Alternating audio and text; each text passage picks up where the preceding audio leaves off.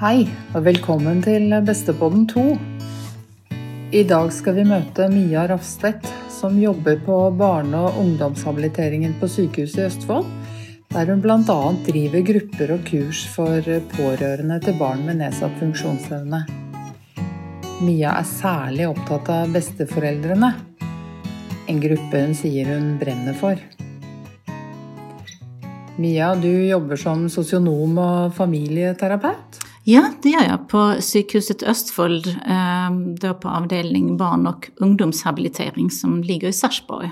Møter du mange besteforeldre i arbeidet ditt? Icke i utgångspunkt, men jag spör efter dem och ber att få snacka med besteföräldrar.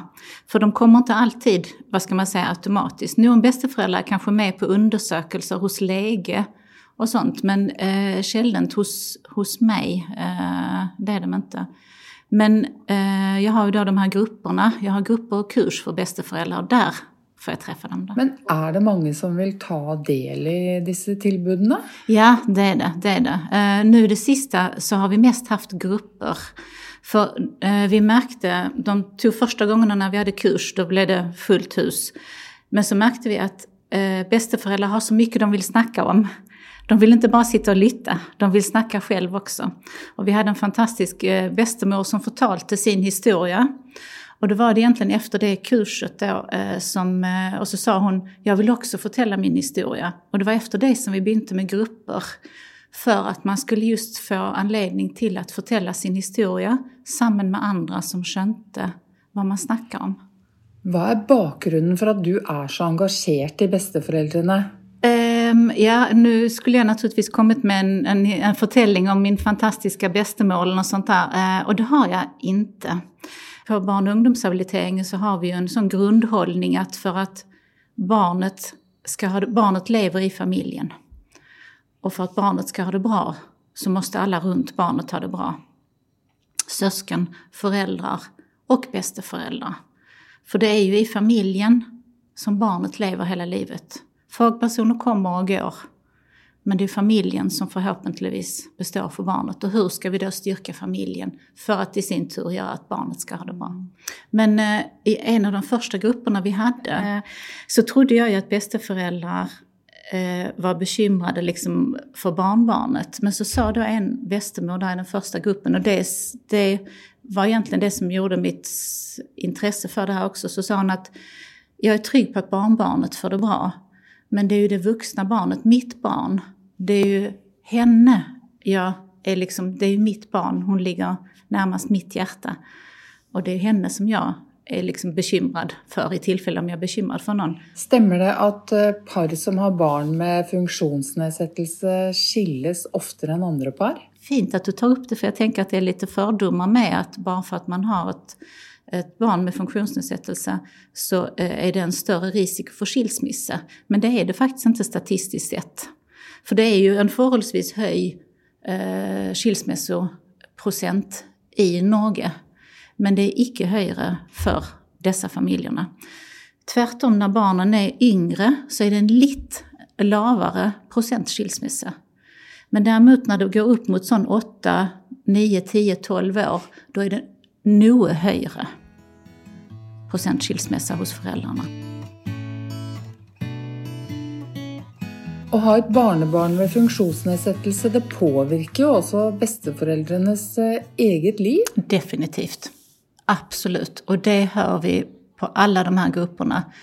Just det här att på något sätt, vad ska man säga, det påverkar på många måter eh, bästeföräldrarnas livssituation. För när man tänker liksom att man ska bli mer självständig så får man ju längre stå i en småbarnsålder med ställ och, och pass och tillsyn än vad man hade tänkt kanske.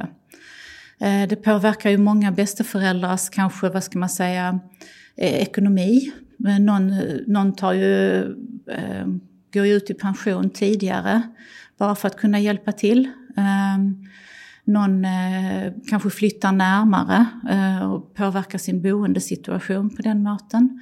Så det, det, det, det kan påverka väldigt, väldigt mycket faktiskt. Det kan det. Hvor starter samtalen egentlig når du møter en ny besteforelder? Hva er det som er viktigst for dem? Mm, Jag skulle vilja säga på en måte just det här att få fortälla hur stolta de är över sina barn och sina barnbarn. Jag tror det är egentligen det som först kommer. Den stora kärleken de känner för sina barnbarn och för sina barn. Eh, och stoltheten där, att de är så stolta. Mm. Jag tror det är där som är det första, tror jag. Tar det lång tid för dere kommer ner på samtalsämnen som oro och bekymring? Det är väldigt forskjellig, skulle jag vilja säga. Um, det är väldigt, väldigt forskjellig. Ja, jag tror nog i någon tillfälle kan det ta lite lång tid att komma ner på det. Men samtidigt när man väl kommer in på den tematiken så upplever jag väl ändå att de flesta syns att det är okej okay att få lov att ha ett rum och sätta ord på det. De har kanske inte haft så många möjligheter för de kommer till dig? Och, nej, och det tänker jag är väldigt, väldigt eh, typiskt för den här bästeföräldragruppen. Att man kan känna sig väldigt alena.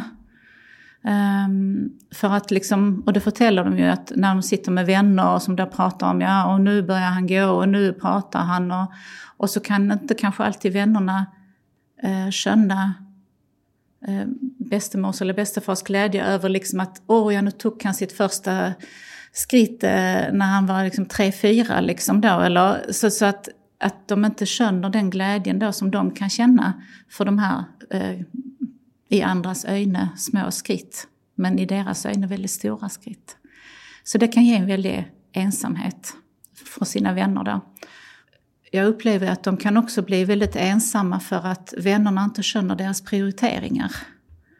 Att man då faktiskt prioriterar att på kort varsel då avlysa någonting med vänner för att hjälpa till i familjen eller um, ja, eller att man inte kanske orkar någonting för att man har gjort, varit passat barnbarnet på helgen och sånt där. Så att många blir väldigt ensamma och det påverkar absolut deras vänernätverk. Då.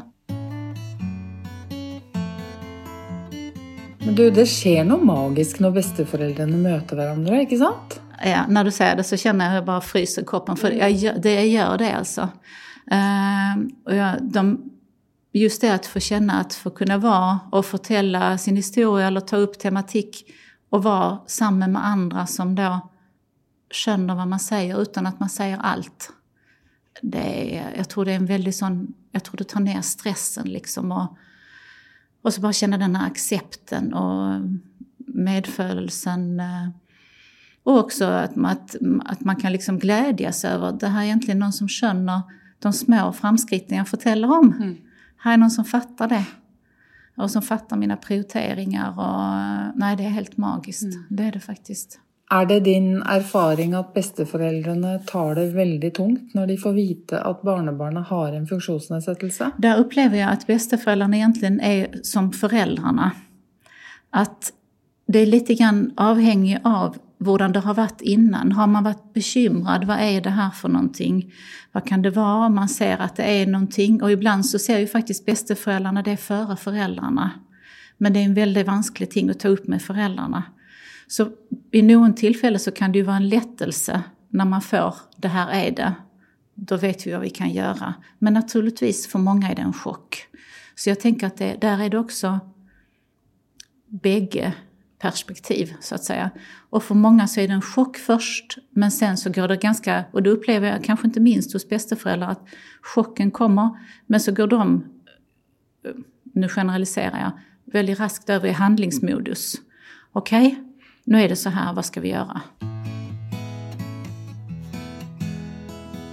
Är det många besteföräldrar som blir lite överraskade över att bli inviterade till att snacka med familjeterapeuten? Ja, ja det är det. Och jag tycker att det är otroligt viktigt att ta, ta vara på bästeföräldrarna. För vad heter nu, de gör ju i många familjer en otrolig insats verkligen och gör liksom att föräldrarna kan stå i jobb. Eh, det finns en eh, forskare i Norge som har skrivit en artikel eh, som heter Moderna bästeföräldrar, välfärdsstatens heimevärn. Eh, och den har inte bara med barn och barn med funktionsnedsättelse, men just det här bästeföräldrarna, vad de, att de kommer in, eh, de är styrkan som kommer in där liksom och, och gör ju, om man ska se det så samfundsmässigt, en otrolig ubetald insats för att samfundet ska fungera. Ja, de slutar tidigare att jobba, det är bättre hälsa och ett längre liv. Precis, precis. Så att jag bara tänker liksom att eh, de är en väldigt osynlig grupp. Och hälsodirektoratet kom ju ganska nyligen, eller som för något år sedan, om den här pårörande vägledaren. Och där står det mycket naturligtvis om föräldrar och det står nu sösken har ju fått eh, lovmässiga rättigheter nu från 2019, eh, sösken till barn med funktionsnedsättelse. Men bästeföräldrar står det väldigt lite om. Så jag tänker att de är alldeles för usynliga i den här debatten. Ett sök om detta ämne på nätet ger faktiskt nästan ingenting. Så det är ju ganska, alltså jag vet inte vad det är ett tecken på, men det är ju faktiskt ingen norsk forskning om bästeföräldrars situation. Vad upplever du att bästeföräldrarna gör mest för familjen? Det är nog väldigt försäljlig. Eh, och jag tänker väl egentligen att bästeföräldrar, och då uppfordrar jag egentligen bästeföräldrar till att naturligtvis med föräldrarnas tillåtelse kanske då vara med på en legetimme eh, eller vara med på ett ansvarsgruppemöte just för att se lite grann det här som CP-föreningen eh, är nöjer med nu, att man ska öka kunskapen. För att hjälpapparatet, de, eh, från vår sida så är man ju alltid välkommen att ta med bästeföräldrarna. Men det är ju naturligtvis föräldrarna som får bestämma om de önskar det. Mm. Men jag tänker att det kan vara, vara ganska så all right någon gång att man är med på några sådana möten eller eh, avtaler. Just för att få eh, kunskap och, och, och sånt. Men annars eh, så upplever jag väl kanske att bästeföräldrar är delaktiga i vardagen. Liksom. Att det är det här vardagsliga. Då hämta, leverera på barnhagen. Eh, och icke minst när barnen är små så önskar ju de flesta föräldrarna icke ha någon eh, offentlig avlastning. Och då blir ju bästa föräldrarna ofta den avlasta, har den avlastarfunktionen för att föräldrarna ska kunna ta hand om de andra syskonen eller kunna prioritera syskonen eller sig själva. Ehm, men jag upplever ju också att många eh, bästeföräldrar, vad ska man säga, får bruk av sin, eh, eller kan få bruk av sin eh, kanske sitt eh, tidigare eller sitt aktiva yrkesliv då till exempel bästefäder som är byggmästare kommer hem och hjälper till att tillrättalägga guldvärme för barnet är mer på, på guldnivå än andra barn. Eh, eller bygger ut så man får bättre plats eller om ifall man har en eh, en eh, bestemor bästemor som är lärare så kan hon eh, känna liksom någonting mer. Så jag tänker ofta så upplever jag att de tar i bruk sina, sina fagliga kunskaper. Um, I de här grupperna så ser vi ju att bästeföräldrar, eller hör vi att bästeföräldrar har väldigt försäljlig tillnärmning till det här vad man ska hjälpa till med. Eller vad man, för någon säger liksom, jag hjälper till med vad de, vad de tränger, jag kan vaska vinduer eller vad som helst. Och så säger någon annan, nej sånt gör jag icke. Men barnbarnet kan hjälpa till med, men inte sån husarbete. Så man har väldigt försäljlig eh, tillnärmning till det och det tänker jag är helt okej. Okay. Eh, jag menar liksom det, för det är viktigt att man även som bästeförälder ändå, man måste ju få, även om man vill hjälpa till så måste man ju få sätta gränser. Men klarar det att sätta gränser? Nej, de är ganska dåliga på det. Ja. ja. Men, eh, men i de här grupperna så uppfordrar vi faktiskt till att man måste sätta gränser för sig själv också och passa på sig själv och sin eh, en av eh, dagarna har vi den här tematiken egenomsorg. Vad gör du för att du ska orka och stå i det hela? Och det tänker jag är ett superviktigt, ett superviktigt tema. Är det stora variationer i det också? Ja, det är det. Det är det. Det är ju alltifrån liksom, gå turer, um, läsa, um, ja, göra det man liker, någon hobby om man har någon hobby eller något sånt där. Då. Mm. Så det är väldigt, ehm, det är väldigt försäljligt. Men, eh, men jag tänker att det är viktigt att även om man absolut, eh, om man känner det är ställer upp för familjen så är det viktigt att man måste få lov att säga nej också. Men är det riktigt att bästeföräldrar och familjer med extra behov oftare än andra flyttar i närheten av varandra? Ja, det gör det faktiskt. Och, om ifall att, eh, och nu säger jag inte att alla bästa föräldrar gör det, men de, eh, de, de, jag har hört om flera som flyttar närmare barn, barnet och barnbarnet bara för att de ser att här tränger de. Jag säger inte att alla gör det, men eh, det är icke ovanligt.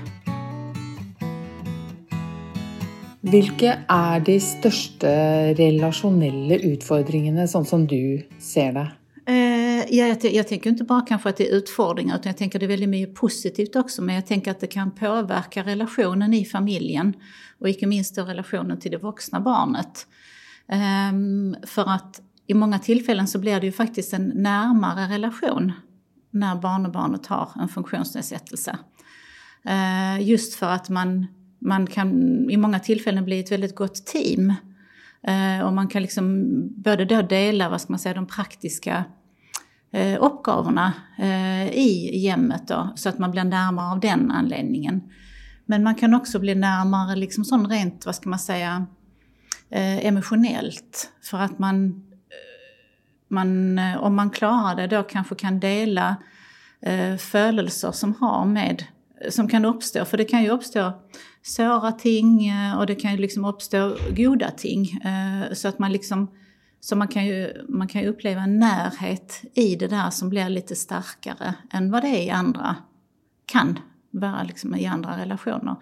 Och sen så tänker jag också att det kan bli en sån närhet i man hör ofta, eller jag hör ofta bästeföräldrar som jag säger, vi är en sån här familj, vi är en sån här familj, att nu när detta sker så, ja, då tar vi och berättar upp armarna, sån är vi i vår familj. Så man får en sån liksom en hållningsmässig närhet.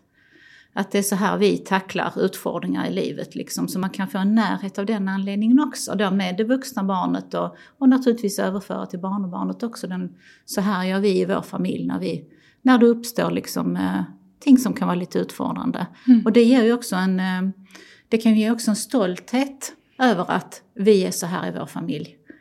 Eh, och det blir ju en typ av närhet som kan påverka relationerna, tänker jag. Vad med syskon som är funktionsfriska? Har eh, tankar om det? Behandlar de barnbarnen lite olika? Ja, det vill jag nu säga. Men samtidigt så hör jag ju alltid att, eller nästan alltid att de är bekymrade för de barnbarn, de syskonen i familjen som då är funktionsfriska. Då. Det är de nästan alltid eh, bekymrade för. Eh, det är de bekymrade och också väldigt stolta. Um, ja, det upplever jag nog. Men jag ser ju att bästeföräldrar kan ha en väldigt fin relation och roll för dessa syskonen. För um, jag driver mycket med syskonarbete uh, också. Och då, då hör man ju ofta att syskonen är väldigt, kan vara väldigt sån, de vill beskytta sina föräldrar och kanske inte alltid snacka om det de upplever, kan uppleva vara vanskligt eller sånt där. Och då är ju bästeföräldrarna ju guld värt för att bli den här samtalepartnern. Eh, där man då kanske kan ja, få lite den här extra tiden eller få den här extra liksom, omsorgen. Eller där man kan liksom, eh, ja jag tänker att bästeföräldrar kan vara en fantastiskt fin samtalepartner. Det är ju liksom, det är väldigt mycket i dessa familjernas liv som man faktiskt icke kan ändra på. Mm. Så är det bara. Mm. Men om man klarar av att prata om det så hjälper man syskonen, eller för så vitt också de vuxna barnen, hjälper man dem ju enormt mycket. Bara det om för att man tör och tåla och prata om det. Mm. Så, så, gör man, eh, så är det en väldigt, väldigt, väldigt stor hjälp för syskonens psykiska hälsa. Mm. Så det vill jag väl liksom uppfordra bästeföräldrar till att ha ett extra öra. Vad var nu syskonet sa när de sa liksom att eh, ja, jag hade ju önskat att då, till exempel brodern med, med CP liksom också var med och spilte fotboll med mig. Eh, och att kanske inte man tröstar så fort att de säger ja, vad, hade du, vad tänker du om det? Att man tör att gå in i den, i den dialogen och kanske höra på det där lilla såra om det som syskonet har. Mm. Innan man sen kanske då tröstar och, säger liksom, och, och förtäller om allt det goda. Mm. Så ta en liten runda inom det, inom det lite såra innan man innan man sen tröstar. Men kärleken är viktigast och lika stor till alla? Absolut, men där upplever jag väl för så vitt ofta att, eh, att bästeföräldrar kan säga, i alla fall i det luckade rummet då, eh, säga att det här barnbarnet med, fun med funktionsnedsättelse eller med funktionsvariation har en speciell plats i hjärtat. Inte att de älskar det mer än de andra. Men att det är en liten speciell plats i hjärtat. En lite större plats kanske? Ja, om den, är, om den är större, eller men att det är en liten speciell plats. Eh, och där ser man ju också, för jag tänker det här då, eh, när de andra friska barnabarnen, kanske då när de blir ja, tidig pubertet, så när går ut och leker med andra och kanske inte är lika höll på sig, intresserade av bästeföräldrar, så har ju ofta bästeföräldrarna en speciell position och närhet till, eller kan ha det med barnbarnet som har en funktionsvariation, att man har en längre kontakt med det, om du känner vad jag mm. tänker på. Mm. Så att, eh, för att man då kanske, ja, gör ting eh, längre upp i åldrarna med det barnbarnet. Ja, man löser det i sig inte så Nej, lätt. inte, inte lika man... så raskt som de andra då. Så att då får man en speciell relation på den möten också. Då. Mm. Flera bästeföräldrar säger ju lite grann att det kan påverka kommunikationen i familjen. Vad är det man, eller liksom hur man samtalar i familjen. Är det någonting, det är liksom vissa teman som man inte kan prata om. Fast mm. man säger vi kan prata om allt för vi är så nära. Men så samtidigt så när man då gräver lite till så är det nog en tema som faktiskt är lite vanskliga att snacka om för de är så svåra. Um, ehm, och då är det liksom till exempel det här med barn och barnets kognitiva nivå, det, är sån lite, det kan ofta vara lite svårt. Eller om ifall att det är någon eh, synlig avvik är också lite vanskligt att prata om. Och någonting som är väldigt vanskligt att prata om är hur framtiden ska bli. För både bästeföräldrar och föräldrar bekymrar sig för framtiden. Det gör de ju så fort de har fått diagnosen så tänker de hela livet framöver. Och det är någonting som är väldigt vanskligt att dela med det vuxna barnet, den bekymringen. För det är så svårt. Men samtidigt så tror jag att både bästeföräldrar och det vuxna barnet tänker på detta. Så det är liksom om ifall att man skulle ta upp och prata och dela även de svåra tingen så tänker jag det är ju ingenting, det är ingen skada skedd för det vuxna barnet tänker ju på det likaväl ju. Så att jag menar att likaväl som man delar de glädjefulla tingen så är det väldigt fint att, att kunna dela de tingen som är lite vanskliga. För de är där ju oavsett. Mm. Och det gör ju också att man får en närmare, ännu närmare kontakt om man tör att dela det som är lite svårt, tänker jag. Men kan detta vara ett litet minefält också? Det är det, för man vill ju ofta beskytta varandra. Bästeföräldern vill beskytta det vuxna barnet. Nu vill jag inte prata om det som är illa, för då blir han bara lej sig. Och det vuxna barnet vill, nej jag vill inte prata med, med bästemor om det, för då blir hon bara lej sig. Mm. Men men man går ju där ändå och har födelserna där oavsett så att de, jag tänker att de påverkar sig inte så mycket mer eller mindre. Eh, utan tvärtom så kan det vara en lättelse faktiskt att kunna säga ett par ord om det också faktiskt. Och dela den. För den är där ju oavsett. Har du samtal där både föräldrar och bästeföräldrar är med? Nej, det har jag inte. Men det hade varit väldigt spännande att ha haft det. För jag tänker att, jag tänker att det är vanskligt att, att prata om det. Eh, men rent generellt det här också när man, så tänker jag att det påverkar, eh, det ställer lite större krav till hur man pratar i familjen. Det, och det ser man ju, det hör jag ofta liksom att det ställer krav till att man är mer klar och koncis. Vad är ditt önske Mia för eh, bästeföräldragruppen innanför habiliteringstjänsten? Men jag önskar att detta ska finnas i hela Norge. Och jag önskar att det ska finnas ett, eh, ett större fokus på, eh, i samfundet på bästeföräldrarnas eh, roll och vad de faktiskt gör. Det är så usynligt idag. Mm. Man, liksom, man ser det inte i officiella dokument och vägledare. Man ser liksom en liten sättning mitt i alltihopa. Men jag tänker att det är ja, under, vad säger man, under kommunicerat. kommunicerat. Ja. Mm. Så jag tänker liksom den, den insatsen bästeföräldrarna gör, den uh, blir för lite värd, värdesatt. Och jag tänker att om ifall att ju mer vi kan, för jag ser att det hjälper för bästeföräldrar att komma i sådana här grupper, att få ha ett rum där man går in och så går man in och pratar och följer och har fällskap och utväxla erfarenheter och sen så går man ju ut ifrån det rummet igen. Men bara det att man har en stans att gå in i det rummet och öppna upp och sen så kan man gå ut och lucka igen. Det är inte det det ska inte, behöver inte vara öppet hela tiden. Eh, men det tänker jag att det styrker också eh, bästeföräldrarna för att de ska kunna stå vidare i den här situationen som de önskar att stå i. Nej, så jag hade önskat att detta fanns i mycket större omfång. Mm. Det hade jag gjort. Och tidigare hade vi kundgrupper för eh, att det var bara en bästa förälder som fick komma. Och nu då eh, i vår så startar vi för första gången upp för par. Bästeföräldrapar. Mm. Där man fick komma då liksom som par. Och det tror jag också är guld värt. Att få komma som par och få eh, ta upp de här eh, samtalen där, eller, och, och, prata om detta. Och få liksom eh, säga, säga högt vad man tänker och följer om det. Och, eh, Eh, ja. Så det tänker jag också ja, är gott för parrelationen där. De som bästeföräldrarna som är och att man för så vitt rent generellt i hjälpapparatet kanske också uppfordrade till att de ja, var med på olika eh, möten, avtal och sånt i den grad de önskade och föräldrarna önskade. Bestepodden 2 är en podcast utgitt av Cerebral Pareseforeningen med stöd från stiftelsen DAM.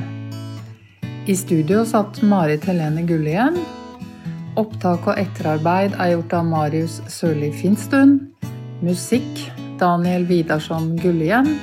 Og teknisk produksjon Oslo Mastering.